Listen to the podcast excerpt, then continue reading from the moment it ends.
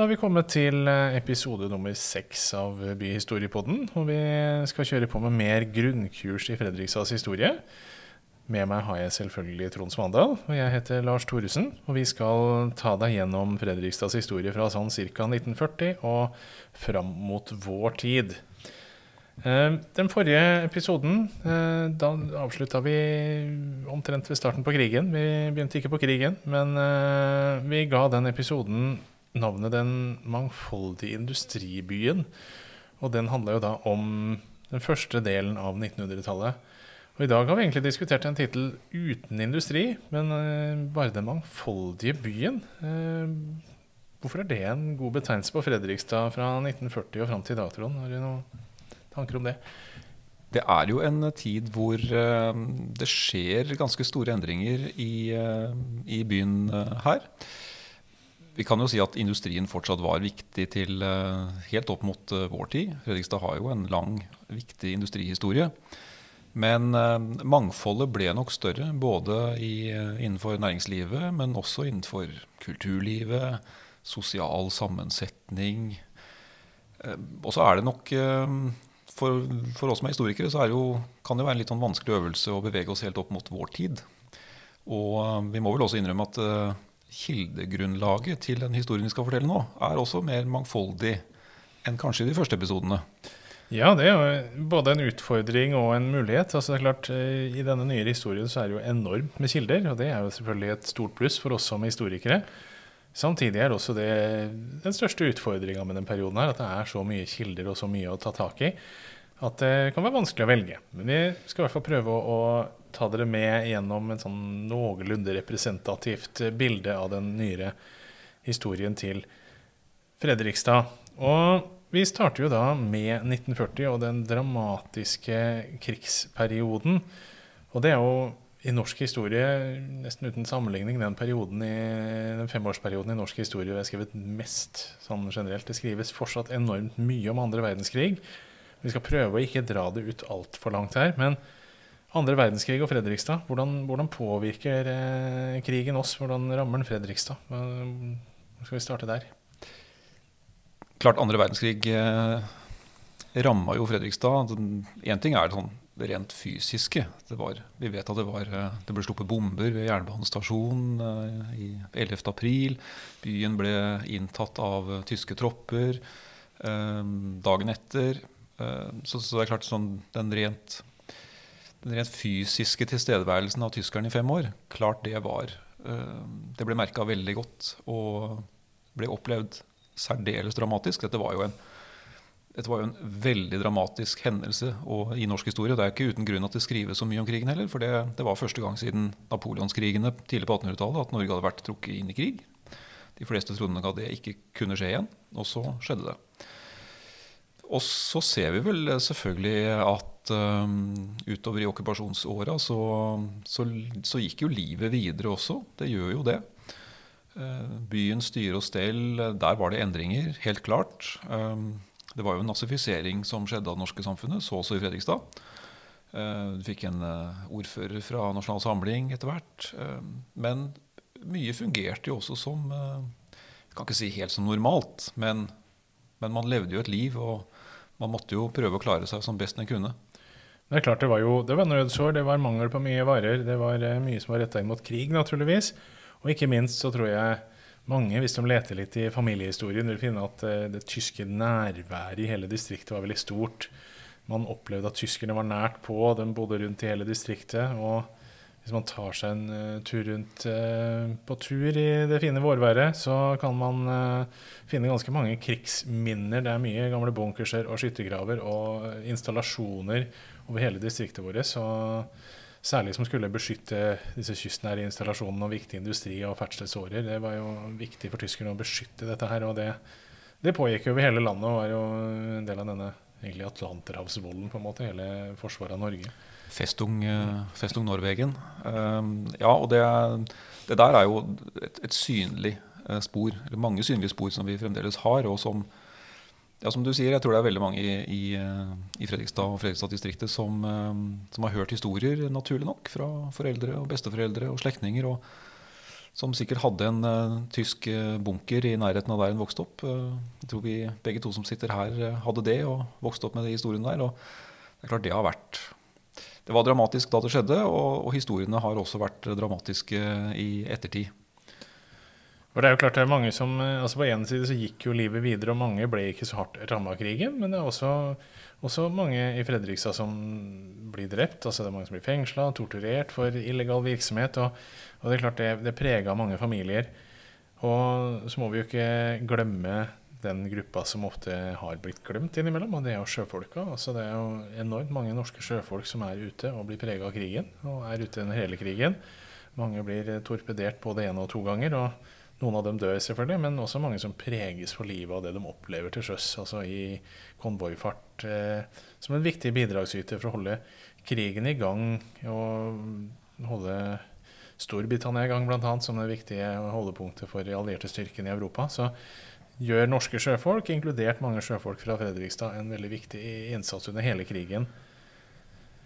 Ja, dette var jo en, en Fredrikstad var jo en sjøfartsby, og, og det er klart det var et en viktig norsk bidrag inn i krigsinnsatsen. Um, og så er det jo det er klart som du sier, dette med, dette med, nød, matmangel, rasjonering. Det var nok det de aller fleste merka. Og så, var det jo en veldig spent situasjon. Mange drev illegal virksomhet. Uh, en del ble fengsla. Dette, dette, visste jo folk om. Ryktene spredte seg. Uh, folk ble jo arrestert, sendt i konsentrasjonsleir. Vi hadde jo Eh, det var ikke noen stor jødisk befolkning i Fredrikstad, men, men her ble det jo også arrestert eh, folk. Sendt, ble borte, drept i tyske konsentrasjonsleirer. Eh, så det er klart det, dette var veldig spesielle og dramatiske år. Mm. Og, og, det var veldig stor tysk tilstedeværelse i Fredrikstad. Fredrikstad var en strategisk viktig by, en industriby. Viktig krigsindustri. Havna var viktig. Så, så, det tyske nærværet ble jo merka eh, veldig godt. Det var, altså var tanks-sperringer i byen.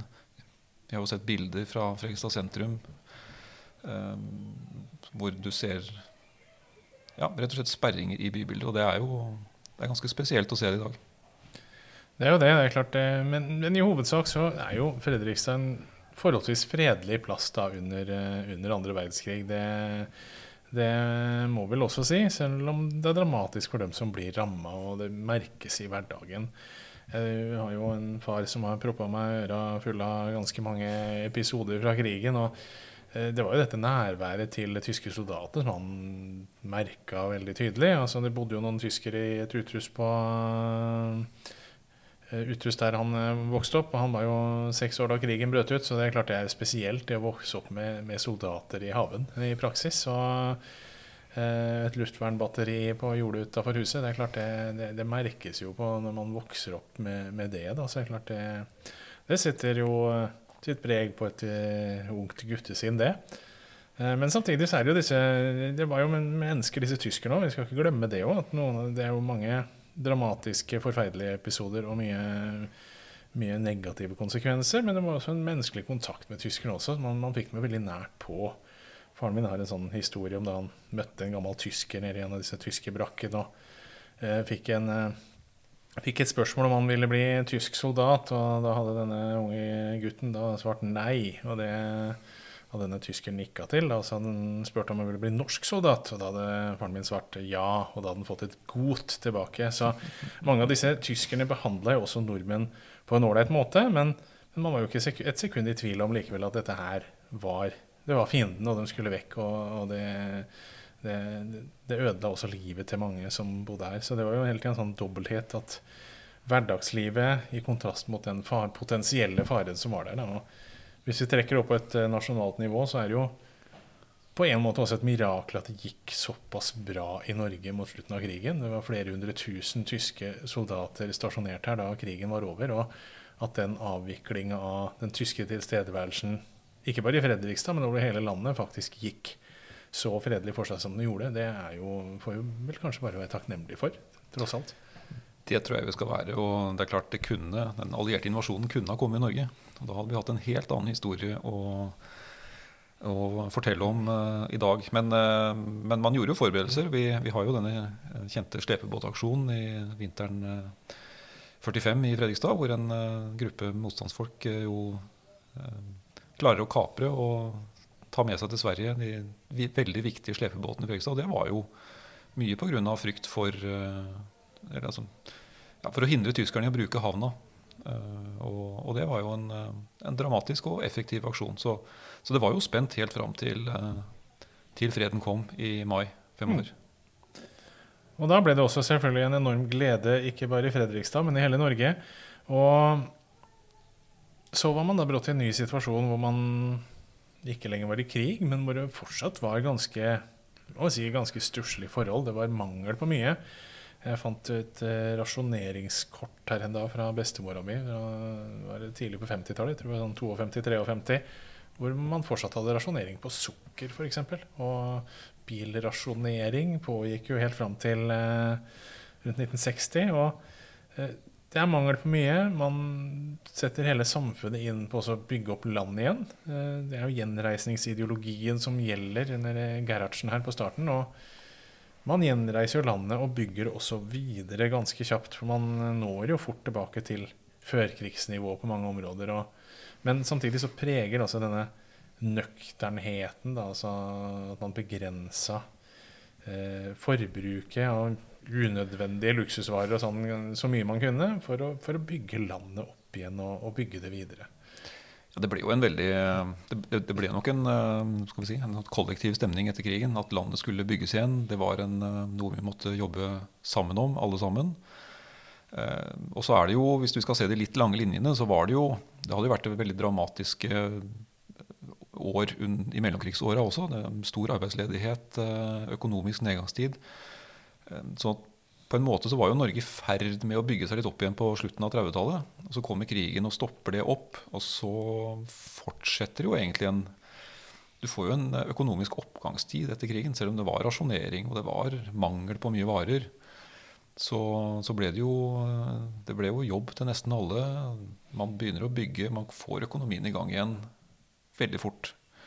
Eh, og det ser vi jo tydelig i Fredrikstad også. Her var det jo industri som fikk et oppsving. Eh, man begynner å bygge, ikke minst. Boliger til folk. Det hadde vært boligmangel. Det var bygd nesten ingenting under krigen. Og det får jo oppsving da kraftig på slutten av 40-tallet og på, på 50-tallet. For det her var jo her var det planer om boligbygging allerede på 30-tallet. Man begynte jo så smått med boligutbygging på 30-tallet, men, men så er det da etter krigen eh, og bor du på østsida, så er du nesten nødt til å bo i en etterkrigsbolig sånn fra denne utbyggingsperioden. Enorme områder som blir bygd ut ganske kjapt, både på Kongsten og Lundheim og Nabotorp og videre. Eh, hele området her. Det er mye boligbygging.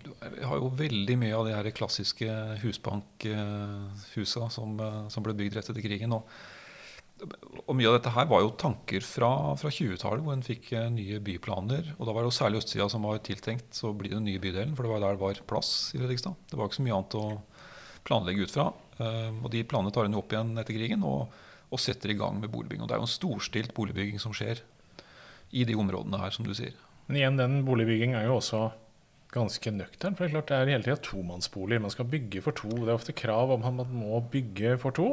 Så det er mange på Østøya som bor i eh, som bor i sånn typiske ombygde tomannsboliger, hvis ikke det fortsatt er tomannsboliger. Da. Det er jo, det var, man skulle ha plass til mange og bygge nye boliger til mange, for folk bodde jo trangt. Det var mange som bodde på, på et par rom og kjøkken, og da var gjerne familie med både fire, fem og seks stykker som bodde veldig trangt før krigen og rett etter krigen. Så det med eget rom, det er noe som eh, eventuelle yngre lyttere vel er godt vant med, at man har sitt eget rom. Det var en fjern drøm for de aller, aller fleste i tidlig etterkrigstid, i hvert fall.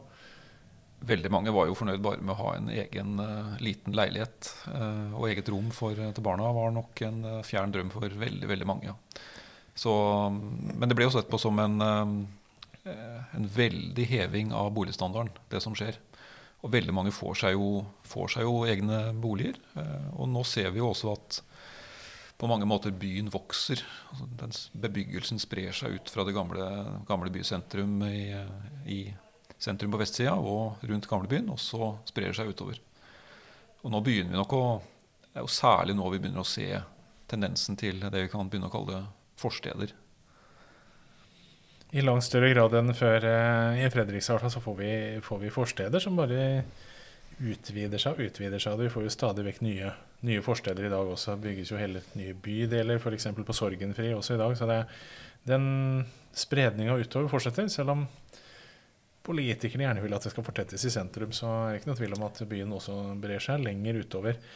Men det er ikke bare boliger man bygger. fordi endelig så kom man jo i mål med et veldig viktig prosjekt for hele Fredrikstad-samfunnet.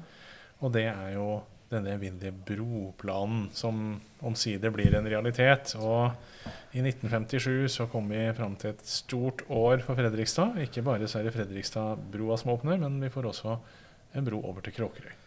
Det binder jo sentrum og øst og vest mer sammen enn det noen har vært tidligere, og gir jo helt nye muligheter.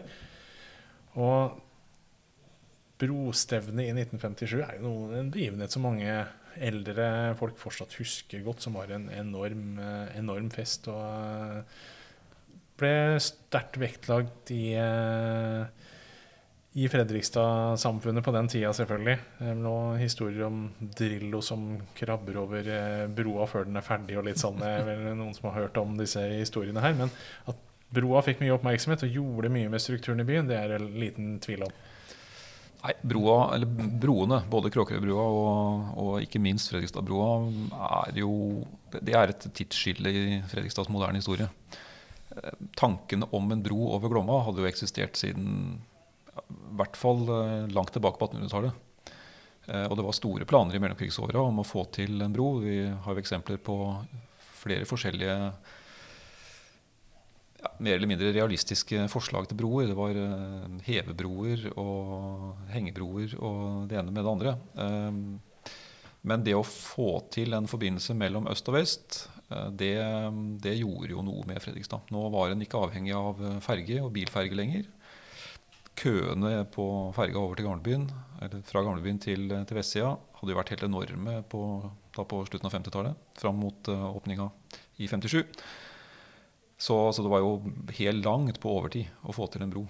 Men det førte jo også til at forbindelsene mellom øst og vest eh, ble mye bedre. Og kanskje også skillet mellom den øst på østsida og vestsida ble noe mindre.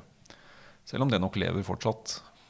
Ja, det er klart det er jo et lite prosjekt å komme seg over den broa. Du er avhengig av ferje fortsatt for å komme mange steder i byen. Selv om vi lever i en by med moderne fergeforbindelse med god tilgang på ferger til mange, mange steder i byen. Kanskje bedre enn det har vært på mange tiår, egentlig. Ja, Det er jo interessant å se den moderne fergesatsinga. Vi vender jo litt tilbake til sånn situasjonen var før, hvor det var mange ferger oppover. Men det er klart, nå har vi jo en, en annen mulighet til å komme over. Nå, er vi ikke avhengig av ferga. Nå kan vi, kan vi også bruke broa. Og så har vi da 50-tallet, 60-tallet er jo en vekstperiode. Det, man ser jo på dette som eh, eh, veien til Om ikke akkurat himmelen, det var ikke alle, alle, som var så opptatt av himmel lenger i dette samfunnet. Men altså, det var jo en industriell framgang. Man så på, så på industrien som store bærer i samfunnet. Var, man, man, så vel ikke helt de mulige skyene som var i horisonten, før de egentlig traff med stormstyrke utover 70-tallet, egentlig. Så man hadde en ganske stor fremtidstro på 50- og 60-tallet. Og, og så ender det opp med at det blir en litt sånn krasjlanding på en måte, utover eh, krasjlanding på, på 70- og 80-tallet. Eh, hva er det egentlig som går gærent? Hva er, det, hva er det som utfordrer industrien vår? Ja, det er jo eh, Det der er en interessant, eh, en interessant del av historien. Eh, og som du sier, 50- og 60-tallet i Fredrikstad og, og, på mange måter i Norge. Norsk industri hadde jo et, en voldsomt oppsving. Det var Store deler av Europa store deler av verden skulle jo bygges opp igjen etter andre verdenskrig. Dette var jo en katastrofe uten like. Men det skapte jo, eh, det skapte jo mye arbeid og muligheter eh, etter krigen.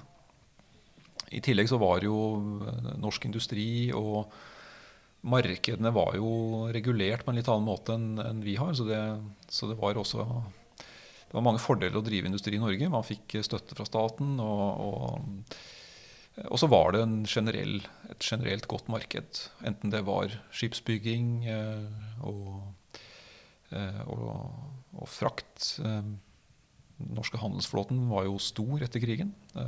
Og norske sjøfolk fant du på alle, alle hav. Fredrikstad var jo store innenfor skipsbygging. Vi har jo Fredrikstad Amerikanske Verksted, giganten i byens industriliv. Men, men også bedrifter som Denofa, Kronos Titan, NTP, Brynhild, eh, Borgar altså, mange, mange industribedrifter i Fredrikstad som, som gjorde det godt. og Enten det var eksport, eh, men også for det mer hjemlige markedet. Eh, Så vi har jo, vi har skofabrikker og hermetikkfabrikker. Mange som produserte for byens eget marked og for et lokalmarked si, i Østfold og i hvert fall i Norge. Og de var jo ofte beskytta litt av eh, ja, det var gode, gode tollmurer for norsk industri. Så her var det mye som var positivt. På 70-tallet så, så rammes jo Norge, og særlig Østfold, av eh, endringer i det internasjonale markedet. Du får, plutselig så får du skipsbygging i Øst-Asia, i Korea f.eks., som var mye billigere enn å bygge skip i Norge. Eh, Et helt annet Du får mange store, nye markeder i verden. eh, Nye land som kommer inn på verdensmarkedet. Eh, Og Norge rammes nok litt av det. Og vi hadde jo et høyt lønnsnivå den gangen også. Og det er klart, det, det spiller inn. Og så blir jo Norge en oljenasjon på 70-tallet. Ja, Da flyttes jo litt av tyngdepunktet på en måte vestover eh, når det gjelder industrisatsingen i Norge, og hva som er viktig i Norge også. Så Og det er nok mm, noe som merkes tydelig i Østfold. Østfold hadde jo mye av den gamle industrien, om det var trevare, skipsbygging, papirindustri. Overlever jo en del av den, men, men mye av denne, det som Østfold hadde bygd seg opp på før olja, det flytter jo En god del av det flytter til Rogaland og Vestlandet på, på 70-tallet. Og det er jo ikke så lett å drive med supportindustri for oljenæringa fra, fra Østfold, selv om man i og for seg forsøkt å koble seg litt på noen av disse oljeinstallasjonene og sånn eh, i, i Nordsjøen og prøve å levere noe dit på FMV utover, utover 80-tallet, så, så klarte man jo ikke helt å lykkes med, med den strategien, da. Nei, og det, det er klart det som rammer Fredrikstad, ser vi jo vi ser det kanskje enda tydeligere i Halden. Det var noe som kalles Halden-krisa på 70-tallet, hvor mye av industrien som hadde blomstra stort i Halden, den går jo over ende. Stor arbeidsledighet, økonomisk usikkerhet. eh, Så, så Østfold ble hardt ramma av den eh, industrikrisa på 70- og til en viss grad også på 80-tallet. Ja, jeg husker jo det fra min egen oppvekst. At det var liksom når du kjørte nordover på Kråkerøy, og så kom man opp til gamle Ankerløkken som lå der dyster med masse knyste ruter og null aktivitet. Det var et sånn minne om en svunnen tid som som eh, liksom ikke var noe sånn godt varsel når man kom dit. Det var noen, ikke, kanskje ikke det fineste området på Kråkerøy akkurat da, men så har det jo skjedd ting etterpå hvor man har fått starta ny virksomhet, og hvor det ikke finnes et industriområde som ikke har blitt boliger omtrent, og hvor man har fått en helt ny type utvikling i nyere tid. Men selv om mye av industri og andre ting går eh, dårlig etter hvert, at det blir strukturendringer i hvor ting produseres enn i verden, så det, jo, det skjer jo andre ting også i Fredrikstad. Det er jo ikke bare industri og boligbygging det dreier, seg om. Det, det, det er jo et kulturliv her i byen òg. Altså, det skjer jo andre ting. Selv om i og for seg eh, FFK går jo litt nedom og hjem. Ikke helt nedom og hjem, men eh, parallelt med industrinedgangen så ser vi at FFK også gjør det dårlig. Så, så skjer det jo mye annet. Altså, vi får, har jo et rikt kulturliv. Vi fortsetter som revyby, og, og vi har mye, mye amatørteater, det er kor, det er korps. Vi har en av Norges største kirkemusikkomponister. Altså det, det er jo masse som skjer her òg. Fredrikstad har hatt en eh, veldig rik, eh, et veldig rikt kulturliv, ja. Eh, og på mange felt. Eh, vi har kanskje ikke én stor aktivitet som byen er veldig kjent for, selv om som du sier, altså Egil Hovland, kirkemusikkomponist, komponist, kanskje, kanskje større utafor Fredrikstad enn det vi eh, alltid har klart å se her. Men, eh, men det har vært et veldig variert liv, eh, kulturliv. Eh, det var jo gode teatermiljøer på 70- og 80-tallet. Korps, korvirksomhet, eh, revy, som du sier. Eh, men også skal vi si, kunst. Kunsthåndverk har vært stort. Eh, den gamle bydelen, altså gamlebyen, fikk jo et, si, et kulturelt oppsving på, på, slutten av 50- og 60-tallet med Pluss, organisasjon Pluss, som mange husker. Det var jo en, en brukskonstorganisasjon, egentlig. Og i kjølvannet av det så blir jo Gamlebyen på mange måter et kunst- og kultursentrum. Eh, med masse verksteder og kunstnere og et, eh, et ganske spesielt eh, miljø. Et spesielt liv. Og etablerte Gamlebyen, også utafor Fredrikstads grenser, som et kunst- og kultursentrum. Og Det vet vi også å nyte godt av i dag også. Det er jo et eh, attraktivt turistmål i dag. Det har blitt et eh, veldig tydelig eh, et tydelig turistsenter her, altså hvor alle skal oppleve gamlebyen. Og det skyldes jo ikke minst dette rike kultur- og kunsttilbudet som også gis i gamlebyen. Altså ikke bare, bare de gamle bygningene i seg sjøl som eh, lokker, men også, også, mye av det som tilbys innafor eh, vollene til gamlebyen. Så, men det, også, det er jo noen sånne områder som endrer litt struktur. altså På 60-tallet var kanskje gamlebyen et ganske forfallent boligområde. Eh, hvor, hvor eh, ikke standarden var så voldsomt høy, men så Eh, har jo dette blitt et veldig attraktivt område. Vi ser jo det er sånn en del skifter der. altså Det som var gamle verkstedområder, det har blitt attraktive boligområder.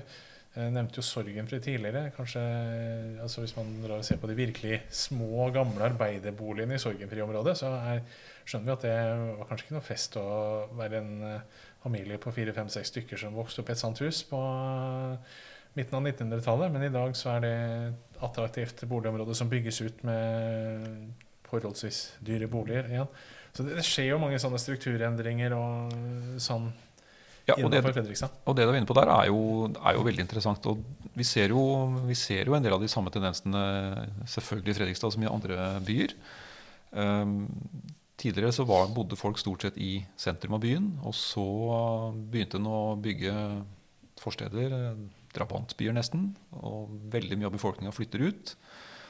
Eh, bosetter seg i eneboliger. Eh, og det en gang så rike handelslivet i sentrum av byen. Det var jo det, var det man drev med i byen. Man drev jo stort sett eh, handel. Det flytter ut, og på 80-tallet så ser vi det tydelig. Da får vi jo kjøpesentre rundt byen. Folk kjører bil, kjører til Østfoldhallen eller, eller Torvbyen, sånn i utkanten av sentrum. Og så drar man da hjem til eneboligen som ligger i et byggefelt på utsida av byen. Og så var det veldig lite liv i sentrum. Og det er vi kanskje inne på en dreining igjen i, i eh, våre dager, hvor en begynner å se en tendens til, et, eh, til, at det blomstrer opp liv i sentrum av byen igjen. Så her er jo skifter eh, gjennom, eh, gjennom, de åra her også. Ikke sant. En ting vi faktisk ikke har nevnt så mye om nå, Trond. Jeg vet ikke om det er fordi det er så kjedelig og ensformig, men eh, politikk har vi faktisk ikke vært innom. Vi har indirekte vært innom, innom, det. For det er klart at mye boligutbygging og mange av de tingene vi, den utviklingen vi ser i etterkrigstida, det er jo klart at det skyldes jo politiske beslutninger. Men, men uh, politikken i Fredrikstad er jo ganske stabil og lite variert. For det er jo mye Arbeiderpartistyre uh, i Fredrikstad by. Og det endrer seg jo ikke så mye. Det er jo i hovedsak uh, sosialistiske siden som har styrt byen. Men det har jo skjedd andre ting av politisk betydning. For den politiske enheten Fredrikstad er jo ikke lenger det den var rett etter krigen. Den har jo endra seg en del i løpet av perioden her. Ja, den har jo endra seg ganske mye. Og det er jo da særlig to begivenheter som er, eh, som er skjellsettende der. Fredrikstad rett etter krigen. Altså kommunen Fredrikstad var jo ganske liten. Altså det var sentrum av, eh, sentrum av eh, byen. Det var gamlebyen, områdene på østsida. Eh, og så var det jo ikke noe mer enn det. Og i 1964 så får vi jo da en stor sammenslåing med kommunen i nord, Glemmen. Store deler av Fredrikstads befolkning bodde jo da egentlig i Glemmen. Og det medførte jo selvfølgelig store endringer mye større befolkning, mye større areal. Eh, og man kunne planlegge på en annen måte. Så gikk det ja, ca. 30 år. Og så så en vel igjen at var, byen var blitt veldig liten. Og det var behov for å gjøre justeringer. Og det førte da fram til den andre store kommunesammenslåinga, som da kom i 1994.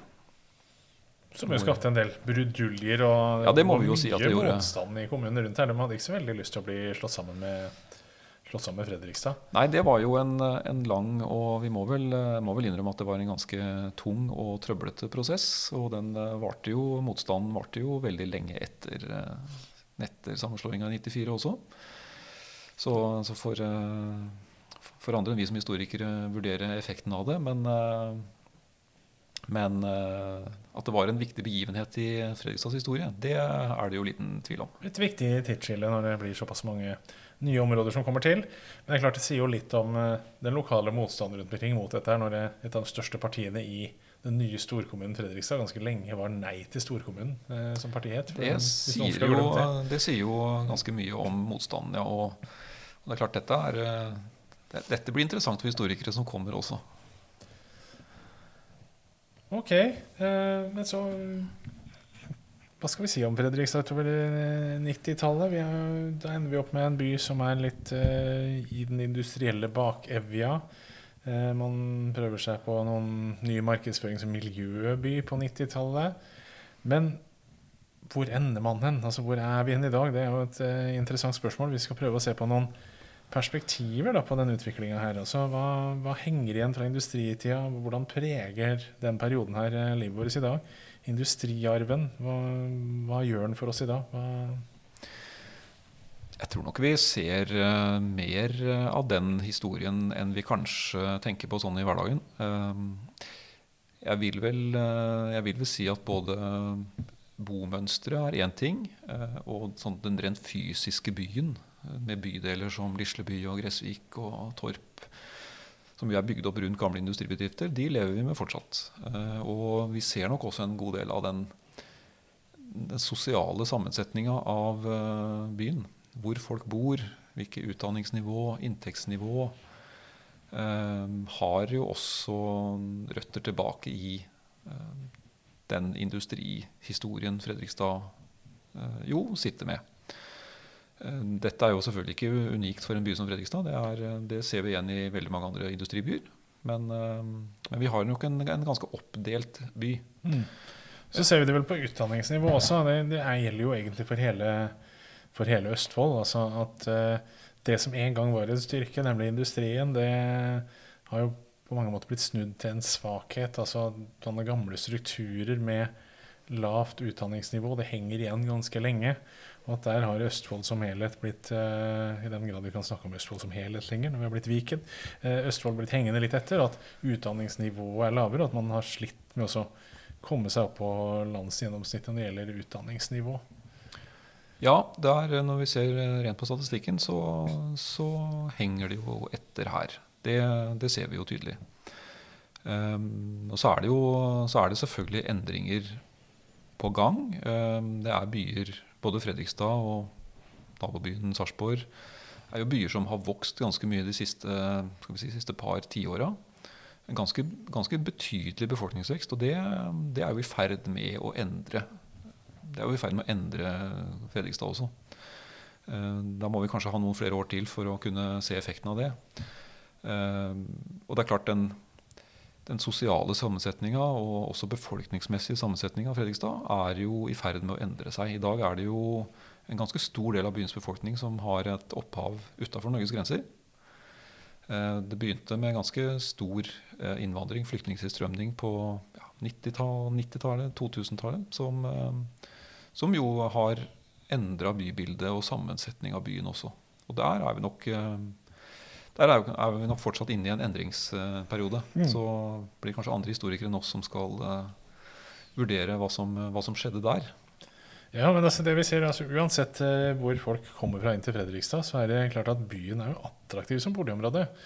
Fordi det er jo interessant å se. da, Fredrikstad har tapt uh, f.eks. sykehuskampen. Altså Den vant man jo først egentlig på 50-tallet, og senere fikk man videreført dette sentralsykehuset.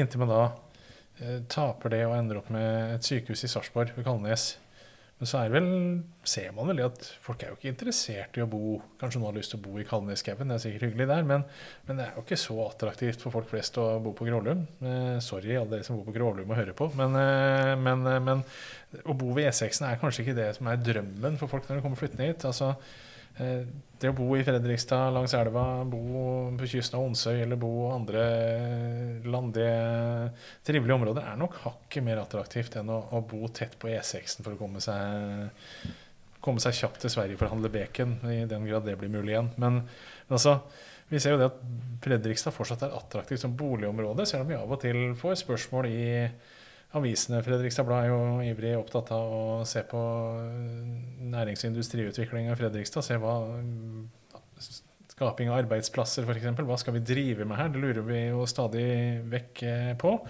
Men samtidig ser vi at uavhengig av hva vi har tenkt å drive med, så har folk lyst til å bo her, og at det er trivelig å være her. At det er et attraktivt boområde, det tror jeg ikke vi kommer, kommer bort fra. Men, uh, Nei, og det er vi jo begge to selvfølgelig helt enige at det er, eh, det er, et veldig attraktivt sted å bo. og det, det, viser jo det viser vel de fleste statistikkene nå at det er, det er, populært å flytte hit. Det kan selvfølgelig være at boligprisen har vært litt lavere enn andre steder, men, men, det er nok Det er nok mye som det er mye positivt ved Fredrikstad. Beliggenhet, byen. Det er en hyggelig, trivelig by. Det skjer mye her. Eh, men så er det jo en utfordring da med at det er litt for lite arbeidsplasser. Eh, og i motsetning til de som flytta hit til byen på 1880-90-tallet, da kom en jo hit for å jobbe, for her var det arbeidsplasser. Så er det andre ting som driver folk til Fredrikstad i dag. Mm. Mens befolkningsutviklinga er vel kanskje like stor. Altså det har vært en betydelig befolkningsutvikling fra slutten av 90-tallet fram til i dag. Eh, men da er det ikke først og fremst fordi en flytter hit for å for å jobbe her.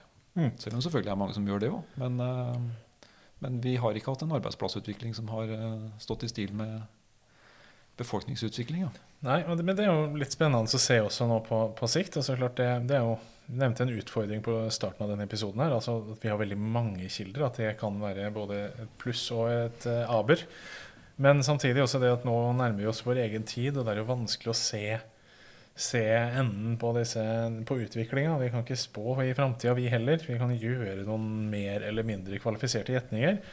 Men det blir jo spennende å se da, Hvor, hva blir langtidsvirkningen av at en av de absolutt største arbeidsplassene i Fredrikstad, nemlig sykehuset, har flytta til Sarpsborg. Hva blir langtidsvirkninga av det?